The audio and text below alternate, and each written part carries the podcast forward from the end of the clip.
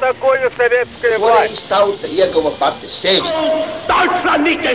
Liktenīgas nejaušības un slēptas likumsakarības, subjektīvas patiesības un objektīvi aizspriedumi. Pēc atkušņa nekad nenāk uzreiz pavasars, bet sākās Arī šodien cilvēki ir ļoti tuvredzīgi. Viņi redz to naudu, kas ir. Televīzijā jau pamatā notiek cīņa par varu. Pagātne no šodienas skatu punkta un šodienas caur pagātnes prizmu. Raidījumā šīs dienas acīm. Katru svētdienu Latvijas radio eterā Eduards Liniņš. Labdien, cienījamie klausītāji! Šodien mēs turpinām sarunu virkni, kas veltīta Francijas ārpolitikai Baltijā un Austrumēropā no Pirmā pasaules kara līdz mūsdienām. Mana sarunbiedra šodien ir Parīzes Sorbonnas Universitātes profesore, visjaunāko laiku vēstures pasniedzēja un padomju vēstures speciāliste Francoāza Toma. Mūsu saruna veltīta Francijas ārpolitikai Austrumēropā laikā starp Otro pasaules karu un Padomju Savienības sabrukumu. Taču iesākumā mēs nedaudz pieskārāmies arī Francijas ārpolitikai Austrumēropā starpkaru periodā. Stāsta Françoise Тома. Что касается Прибалтики, это тоже зависит от э, партии, которая была у власти. Вот, например, Бриан, Аристид Бриан, который был министром внешних дел в начале 20-х годов, он очень сочувственно относился ко всем национальностям Российской империи, которые пытались независимость. Французы даже до Kas attiecas uz Baltijas neatkarību, daudz kas arī bija atkarīgs no tā, kāda partija pie varas bija Francijā. Aristīts Brijāns, kurš bija ārlietu ministrs 20. gadu sākumā, ar lielām simpātijām attiecās pret visām bijušās Krievijas impērijas nācijām, kuras tiecās pēc neatkarības. Franči pat grasījās atbalstīt neatkarīgās Grūzijas pretošanos bolševiku iebrukumam 1921. gadā. Viņi nosūtīja turp kara kuģi, bet nokavēja, bolševiki jau bija priekšā. Tātad Brijāna laikā bija jauno nāciju atbalsta politika. Tā bija tā sauktā sanitārā kordona politika, kura tika īstenot pēc tam, kad izgāzās Krievijas baltā kustība. Sākotnēji Franči, protams, uzskatīja par vislabāko variantu balto uzvaru un vienotās Krievijas atjaunošanu. Bet 1919. gada beigās bija jau acīm redzams, ka balto kustība ir izgāzusies. Tad Franči nonāca pie sanitārā kordona, pie atbalsta jaunajām nacionālajām valstīm, un izšķirošā loma šeit bija jāuzņemas Polijai. Pēc 1924. gada rodas jaunas konfigurācijas. Kļūst skaidrs, ka bolševiku režīms noturēsies, ka tas būs ilglaicīgs un Francija atzīst padomju savienību. Franču politikā parādās virziens, kas tiecas sadarboties ar bolševikiem, pie tam cerot uz viņiem iedarboties, lai bolševiki kļūtu tā sacīt normālāki. Tā bija tendence ne tikai Francijā, bet visā rietumu politikā. Viss, protams, radikāli mainījās līdz ar Hitlera nākšanu pie varas. Franči centās īstenot kolektīvās drošības politiku, balstoties pamatā uz saviem sabiedrotiem Austrum Eiropā, uz Poliju, Čehslovākiju, Rumāniju. 1935. gadā savu politisko līniju mainīja Kominterne. Tika pieņemts kurs uz antifašistisko fronšu veidošanu kopīgi ar citām partijām un organizācijām, kaut arī tās nebija komunistiskas. Tas līdz neiedomājamam līmenim palielināja Padomju Savienības ietekmi rietumu valstu politiskajā vidē. Visa inteliģence, kas bija antifašistiski noskaņota, saskatīja Padomju Savienībā savu lielāko sabiedroto, galveno cīnītāju par mieru pasaulē. 1936. gadā arī Francijā izveidojās Tautas fronte. До этого Сталин боролся прежде всего против социалистов. Это был лозунг против социалистов-предателей, как он их называл. Но когда он увидел угрозу Гитлера, и когда Сталин увидел, увидел, что Гитлер не хочет с ним иметь дело, это в основном в этом все упиралось, потому что Сталин посылал своих личных эмиссаров, грузин, в Берлин, чтобы договориться у него. Это было... Līdz tam Staļins pamatā cīnījās tieši pret sociālistiem, kurus dēvēja par strādnieku šķirs nodevējiem. Taču tad Staļins pārliecinājās, ka Hitlers tiešām ir bīstams un ka Hitlers nepavisam negrib ielaisties ar viņu kādās darīšanās. Līdz tam viņš mēģināja ar Hitleru sarunāt. Viņš sūtīja uz Berlīni savus personiskos emisārus pamatā gruzīnus. Jau kopš 1933. gada Staļinam bija stabila ideja, ka vajag vienoties tieši ar Hitleru.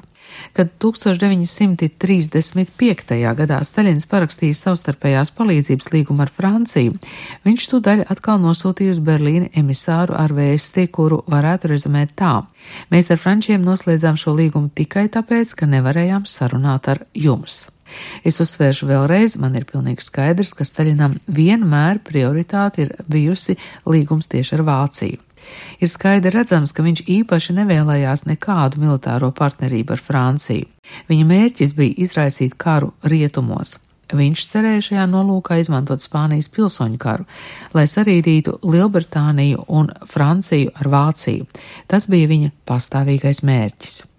Runājot par pēckara periodu, par atjaunoto demokrātisko Franciju, vai mēs varam izdalīt kādus nozīmīgus periodus Francijas ārpolitikas orientācijā attiecībā pret Padomju Savienību un to, kas notika Austrumēropā? Франция очень поздно вошла в холодную войну, можно сказать, по сравнению, например, с Англией, которая уже весной 1945 года готовилась к военному столкновению с Красной армией. Англия первая открыла глаза раньше, чем Америка. И это англичане.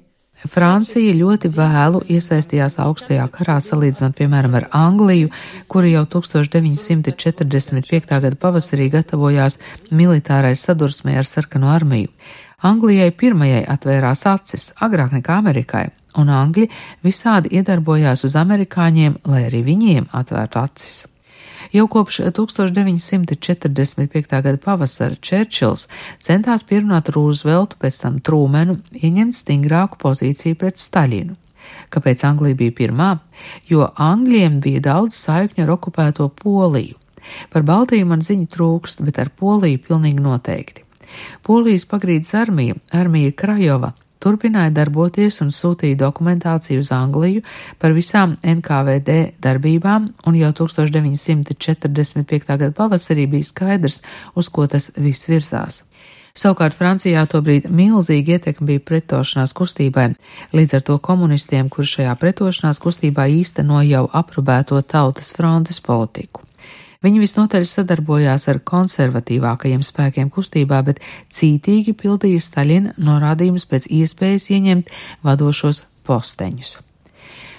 1944. gadā Staļins šiem pretošanās kustības komunistiem pavēlēja pēc atbrīvošanas nenodot savus ieročus, bet gan tos noslēpt.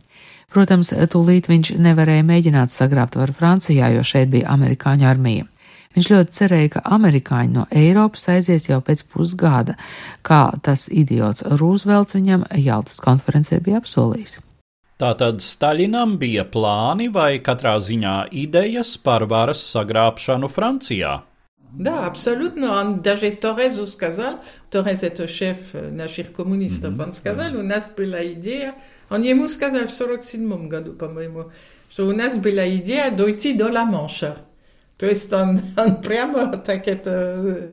Нет, он весной он думал, кстати, они обсуждали даже, кажется, в политбюро apsūždaļi. Jā, absolūti. Viņš pat esot teicis Franču kompartijas līderim Morisam Torēzam šķiet 1947. gadā, ka jā, mums bija doma aiziet līdz Lamanšam. Šķiet, 1945. gada pavasarī pat politbirojā tika spriests vai apstāties pie tās līnijas, kas bija norunāta ar amerikāņiem, vai iet tālāk. Galu galā izšķīrās pagaidām ievērot vienošanos. Tieši tāpēc, ka Staļins cerēja, ka amerikāņi savu karaspēku no Eiropas drīz izvedīs. Viņš nolēma, ka pagaidām sagremos Austrum Eiropu un nākamais komos tad jau būs Rietum Eiropa. Francijas komunisti palika valdībā ar svarīgiem ministru amatiem līdz 1947. gada maijam. Tas ir ļoti svarīgs gads. 1947. gadā komunisti tika atstumti no varas Francijā, Beļģijā, Dānijā. Staļinam tas nozīmēja viņa sākotnējo plānu sabrukumu. Un tas, var teikt, nosaka Francijas valdošās elites iesaistīšanos augstajā karā. Mēs runājam par eliti, jo sabiedriskā doma kopumā joprojām atradās Staļingradas varonības sarkanarmijas romantismu iespaidā. Sabiedriskā doma nesaprata, neapzinājās staļinismu briesmas tā, kā to apzinājās elite. Es uzskatu, ka tas, kas situāciju Francijā izmainīja līdz tādam līmenim, ka padomju briesmas franču priekšstatos kļuva draudīgākas par līdz šim dominējušajām Vācijas briesmām, bija Berlīnas blokāda 1948. gadā un Kravčenko lieta. Viktors Kravčenko bija padomju pārbeidzējs, kurš 1944. gadā aizbēga uz Ameriku. Starp citu, pēc tautības Ukrainas. Viņš uzrakstīja grāmatu Es izvēlējos brīvību absolūti atmaskojošu darbu, kas komunistiem bija briesmīgs trieciens. Viņš aprakstīja bādu Ukrainā, NKVD tīrīšanas, gulagu, visu. Grāmata iznāca 1946. gadā. Francijā tā izraisīja milzu rezonansi. Komunisti sāk Kravčenko apmelot, paziņoja, ka viņš rakstījis to, ko diktējusi centrālā izlūkošanas pārvalde, ka tā vispār nesot viņa grāmata, un Kravčenko viņus iesūdzēja tiesā. 1949. gadā notika prāva ar visplašāko publisko atspoguļojumu un Kravčenko par lieciniekiem uzaicināja reālus komunisma upurus. Piemēram, bija vācu komuniste Margarēta Buber-Neimane, kura bija sēdējusi gan Staļina, gan Hitlera lēģeros. Viņš atveda veselu baru liecinieku un padomju realitātes aina Francijā kļuva visai uzskatāma komunisti šajā tiesā zaudēja. Mierā gan viņi, protams, nelikās, bet var teikt, ka 1949. gadā Francija jau pilnvērtīgi iesaistījās augstajā karā. Notika pārbīde arī sabiedriskajā domā. Vai šai ziņā kaut kas būtiski mainījās ar Šarla de Golla nākšanu pie varas 1959. gadā? Nu, de Gaulle va pervers en Iepanimal komunismu. Он сказал, он говорил, что Россия высушит коммунист, как промокашка чернила. Вот его выражение. Pirmkārt, jāsaka, De Gauls nesaprata komunismu. Viņš teica, ka Krievija uzsūkšot komunismu kā dzēšlapa tinti. Tas ir viņa izteikums. Viņš nesaprata, cik dziļi šī ideoloģija visu ir izmainījusi. Viņa galvenā doma bija Francijas neatkarība, Francijas lielvalsts status atjaunošana. Attiecīgi tā, protams, bija neatkarība nevis no krieviem, bet no amerikāņiem. Tomēr, kad bija nopietnas krīzes, austrumu un rietumu attiecībās, Kubas krīze, Berlīnas krīze, viņš tomēr nostājās amerikāņu pusē. Pamatprincipus viņš neaizmirsa. Tomēr 1966. gadā viņš izstājās no NATO vienotās komandas sistēmas, un tas padomju savienībai bija milzīgs pluss. Viņš vienkārši visu nesaprata, jo, var teikt, bija apsēsts ar šo Francijas lielvalstiskuma ideju, pilnīgi neracionālu ideju. Vēlreiz atgriežoties pie pēckara perioda, kādas bija Padomju Savienības galvenās ietekmes sviras Francijas politikā? Большие, потому что они контролировали профсоюзы. Некоторые профсоюзы, то есть были коммунистические профсоюзы, которые были массовыми тогда. То есть фактически они могли парализовать, например, они контролировали электричество. Они всегда были за такие объединенные государственные корпорации, потому что через них они могли контролировать большие стратегические секторы нашего, нашей экономики и жизни. Spēcīgas, jo viņi kontrolēja dažas ārotbiedrības. Bija masveidīgas komunistiskas ārotbiedrības, ar kuru palīdzību viņi, piemēram, varēja kontrolēt elektrības nozari, varēja to pat paralizēt. Viņi vienmēr bija par tādām apvienotām valsts korporācijām, jo caur tādām varēja kontrolēt lielus un strateģiskus mūsu ekonomikas un dzīves sektorus. Tātad pirmkārt milzīga komunistu ietekme caur ārotbiedrībām. Tāpat liela ietekme tika īstenota caur organizācijām, kuras cīnījās par mieru. Tās nebija atklāti komunistiskas, taču tāpat kā 30. gados darbojās Padomju Savienības interesēs. Ļoti liela ietekme viņiem bija arī kreisās inteliģences aprindās, sevišķi līdz Ungārijas sacelšanās notikumiem 1956. gadā. Pēc šīs sacelšanās apspiešanas ļoti daudz inteliģenti, kuri līdz tam bija komunisti, izstājās no kompartijas. Nākamais izstājušos vilnis bija 1968. gadā. Tā komunisti pamazām zaudēja savus atbalstītājus inteliģences vidē taču ļoti ilgi viņiem palika daudzi piekritēji un noderīgie idioti.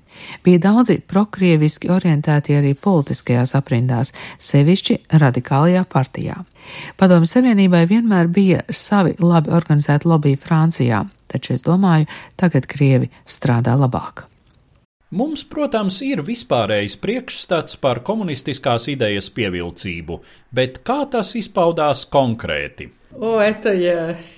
Я могу вам сказать, потому что я помню, когда я училась в школе, у меня все преподаватели были марксистами. Абсолютно. Почти все, без исключения. То есть э, мы были уже, мы молодое поколение, мы были, можно сказать, э, воспитаны в этом марксистском духе. Я сама не... To es jums varu pastāstīt no personiskās pieredzes, jo, kad es mācījos skolā, visi mani pasniedzēji bija marksisti. Gandrīz visi bez izņēmuma. Tātad mēs, 60. gadu jaunā paudze, bijām audzināti marksistiskā garā.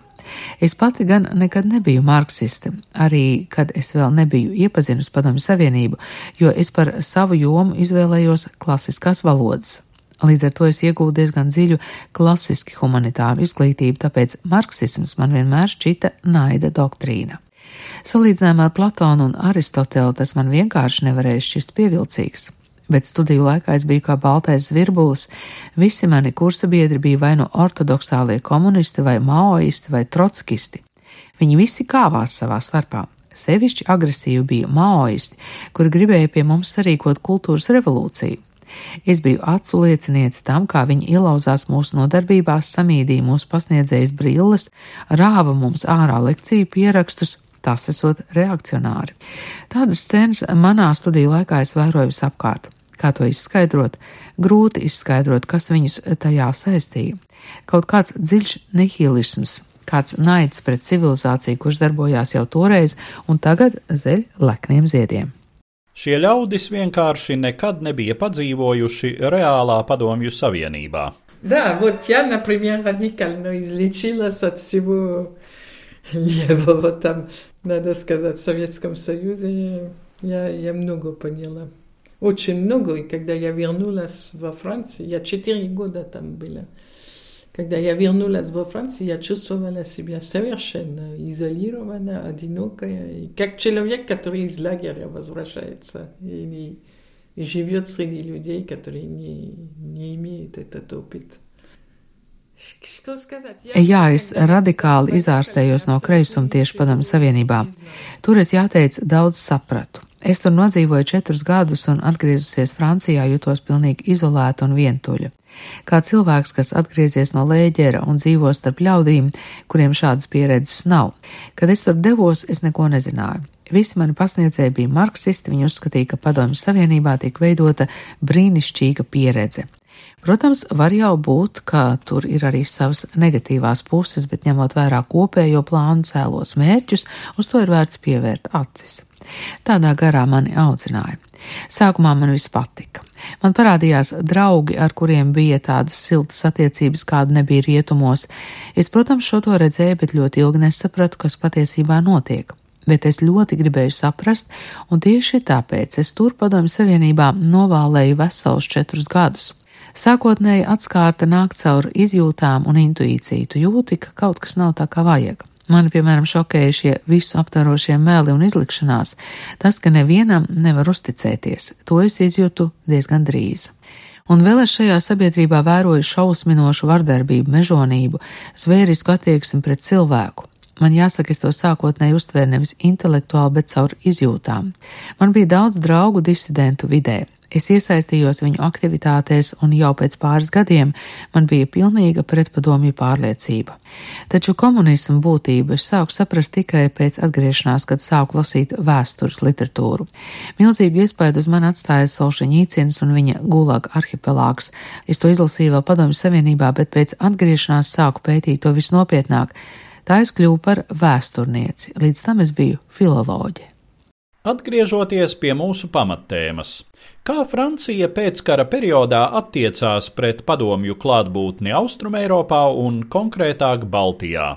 Вначале можно сказать, что при Балтике и в Восточной Европе французы не были очень активны, но были дипломаты в, в Чехии, например, я видела документы, архив те, которые были в Чехии, в Польше, они докладывали весь этот, и понимали, очень даже понимали. Насчет Прибалтики я не видела Sākotnēji ne Baltijā, ne Austrum Eiropā franči nebija ļoti aktīvi. Bija atsevišķi diplomāti Čehijā, Polijā, kuri pat ļoti labi saprata turpēc kara notiekošo un par to ziņoja. Pamatā gad ziņojumi arhīvos ir no Čehslovākijas, Polijas, arī no Rumānijas, no Baltijas tādu nav, jo tur jau vairs nebija diplomātisko misiju. Gudrākie franču diplomāti saprata, uz ko virsās visa tā attīstība padomju okupētajās valstīs. Bet franči ļoti ilgi naivi domāja, ka jācenšas par katru cenu saglabāt tur mūsu klātbūtne un attīstīt kultūras sakarus. Tāpēc viņi sevišķi sākumā bija visai piekāpīgi komunistiem. Ar Baltiju vairāk nodarbojās angļi un amerikāņi, viņi tur bija aktīvāki un veltīja Baltijai lielāku uzmanību. Ja runājam par attieksmes izmaiņām pret Austrumu Eiropu, tad tā Francijā notika pēc Gulaga arhipelāga iznākšanas 1973. gadā. Tad notika apvērsums franču inteliģences attieksmē. Parādījās milzīga interese par Austrumu Eiropu, par tā dēvētajām gūstā turētajām tautām. Sabiedriskās domas simpātijas bija šo gūstā turēto tautu pusē. Sabiedrība sāk uztvert sadalītās Eiropas traģismu. Līdz tam, kamēr dominēja prokomunistiskais viedoklis, šāds skatījums nebija izplatīts. Kā šajā kontekstā Francija reaģēja uz tā saukto detantu politiku, attiecību mīkstināšanu starp rietumiem un austrumiem 70. gados? Французы хотели быть, можно сказать, инициаторами детанта, но они косо на попытки немцев договориться с Советским Союзом. То есть этот детант им гораздо меньше нравился. Они всегда боялись, как бы немцы не договорились вдвоем с советскими. Franči vienmēr gribēja būt detente politikas iniciatori, bet vienmēr šķīvi skatījās uz Rietumvācijas mēģinājumiem sarunāt ar Padomju Savienību. Tā kā šī detente viņiem diezko nepatika, viņi visu laiku baidījās, ka vācieši visu nokārtos divatā ar krieviem, kuri savukārt ļoti veikli manipulēja ar šo konkurenci. Šī sāncensība, kurš tiks tālāk attiecību mīkstināšanā ar Padomju Savienību, Padomju Savienībai bija zelta laikmets. Taču tas lielā mērā beidzās, kad Padomju Savienība 1976. gadā sāka izvietot Eiropā raķetes SS-20. Tad kļūst skaidrs, ka, lai arī Krievi runā par dentāntu, visi ieņēmumi tiek tērēti kara tehnikai. Padomju iedzīvotāju situācija neuzlabojas, tiek pārkāptas cilvēktiesības, nekāda reāla tuvināšanās nenotiek. Tas atvēsināja attieksmi pret šo detāntu politiku ne tikai Savienotajās valstīs, bet arī Eiropā.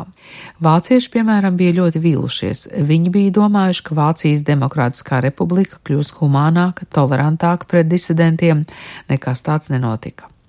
Austrumācija vienkārši ņēma rietumvācu naudu, bet reālu piekāpšanos bija ļoti maz.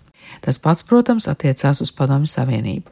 Tad vēl sākās padomju ekspansija Āfrikā, Angolā, Mozambikā, Etiopijā, un rietumi sāk apdomāties, kāpēc mēs viņiem palīdzam ar kredītiem, ar tehnoloģijām, ja viņi turpina izvērsties.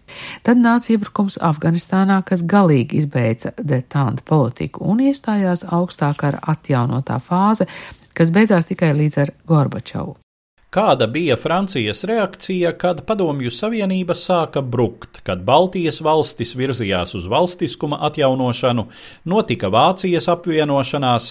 Kā Francija reaģēja, kad visa šī pasaules daļa atkal sāka strauji mainīties? Тут нужно различать строго различать общественное мнение и правящую элиту. Общественное мнение было целиком на стороне, например, когда Германия воссоединилась, французы очень обрадовались за немцев.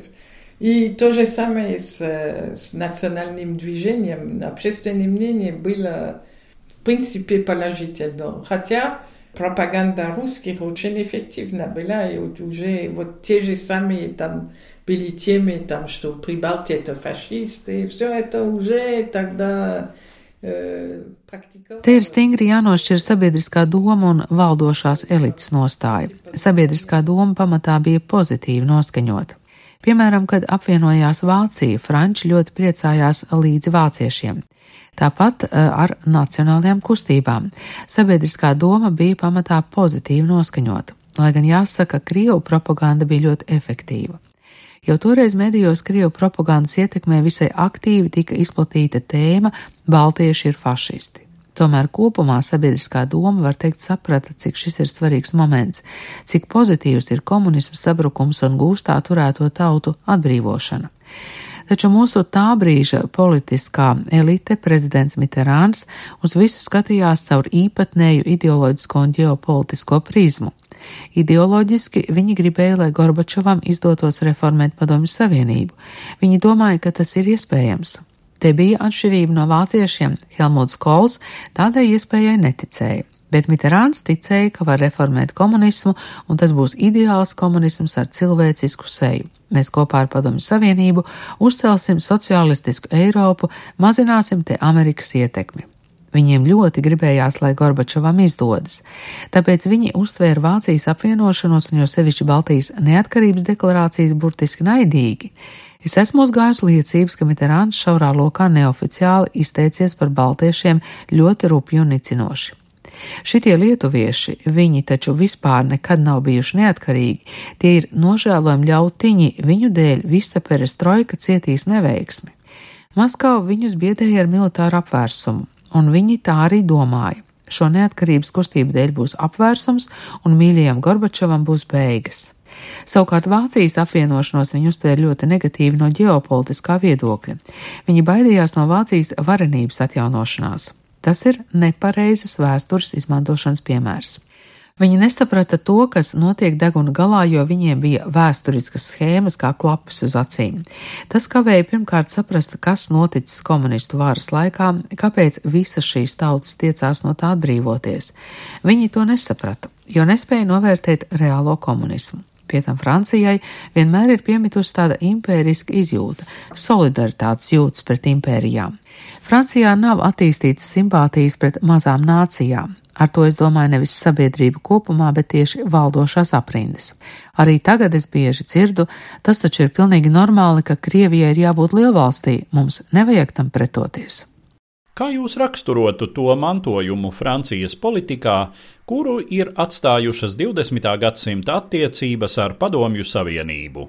Особенно у наших правых, которые, ну, вы, наверное, не в курсе, но очень многие наши правые, они совершенно не понимают ситуацию на Украине, они не понимают желание Украины быть независимой, они считают совершенно нормальным, что русские так Tas sevišķi ir vērojams pie mūsu labējiem. Jūs droši vien neesat lietas kursā, bet daudzi mūsu labējie pilnīgi nesaprot situāciju Ukrainā nesaprot Ukrainas vēlmi būt neatkarīgai, uzskata Krievu pašreizēju uzvedību par pilnīgi normālu. Viņi ir gatavi pat ierīt eh, Kremļa propagandas ēsmu par to, ka amerikāņi ir pinuši Ukrainā intrigas pret Krieviju. Labējo politiskajā flangā šis viedoklis šobrīd ir nospiedošs, un mēs te pat nerunājam par radikāli labējiem, bet arī par daudziem mēreni labējiem, Es to skaidrotu, piemēram, ar neiedomājumu neizglītotību, nekompetenci un ignoranci. Viņi pat negrib neko zināt. Tāpat tas ir zems morāls līmenis, arī tas ir nepārprotami. Būt akliem pret Putina manipulācijas paņēmieniem tas rāda nevien zemu intelektuālo, bet arī morāls līmeni. Bet te atkal jāizšķir politiskās aprindas un, teiksim, akadēmiskā vide. Starp zinātniekiem Putina atbalstītāji praktiski nav. Arī starp žurnālistiem ir ļoti daudz tādu, kuri visu uztver ļoti saprātīgi. Tomēr ir arī ļoti daudz nepārprotamu Kremļa ruporu sociālajos tīklos. Es domāju, tas lielā mērā skaidrojams ar to, ka Putins ir spējis pārliecināt daudzus, ka viņš ir efektīvs cīnītājs pret islāmistiem, ka Krievija ir cietoksnis cīņā pret islāmismu. Mūsu labējie uzskata, ka islāmisms ir vislielākās briesmas, kuru priekšā mums noteikti jāvienojas ar krieviem. Un tas patiešām ir nedaudz līdzīgi kā 30. gados. Daudzi uzskatīja, ka Hitlers ir visbīstamākais, tāpēc jāvienojas ar Staļinu. Я думаю, что это объясняется тем, что Путин сумели уговорить, что он эффективный против исламизма, что Россия это, можно сказать, крепость против исламизма. И это среди наших правых, они считают, что самая большая опасность это исламисты, и перед этой опасностью надо договориться с, с русскими. И немножко как с Гитлером в 30-е годы многие считали, что Гитлер самый опасный, надо договориться со Сталиным. Это тот же, тот же тип осуждения. Šī bija saruna ar profesori Fransuāzu Tomu, Parīzes Sorbonnas Universitātes visjaunāko laiku vēstures pasniedzēju. Par atbalstu raidījuma tapšanā īpaši pateicos Lietuvas goda konsulei Šampāņas Ardēnu reģionā Annai Marijai Gusārai un atvaļinātam pulkvežleitnantam Baltijas vēstures pētniekam Žilam Ditertram. Savukārt nākamā svētdiena, 27. novembrī, klausieties manu sarunu ar publicisti un vēsturnieci Gaļinu Akermani par Francijas ārpolitiku Austrumēropā pēdējās desmitgadēs. Uzredzēšanos, cienījamie klausītāji! Katru svētdienu Latvijas radio viens par pagātni sarunājas Eduards Liniņš.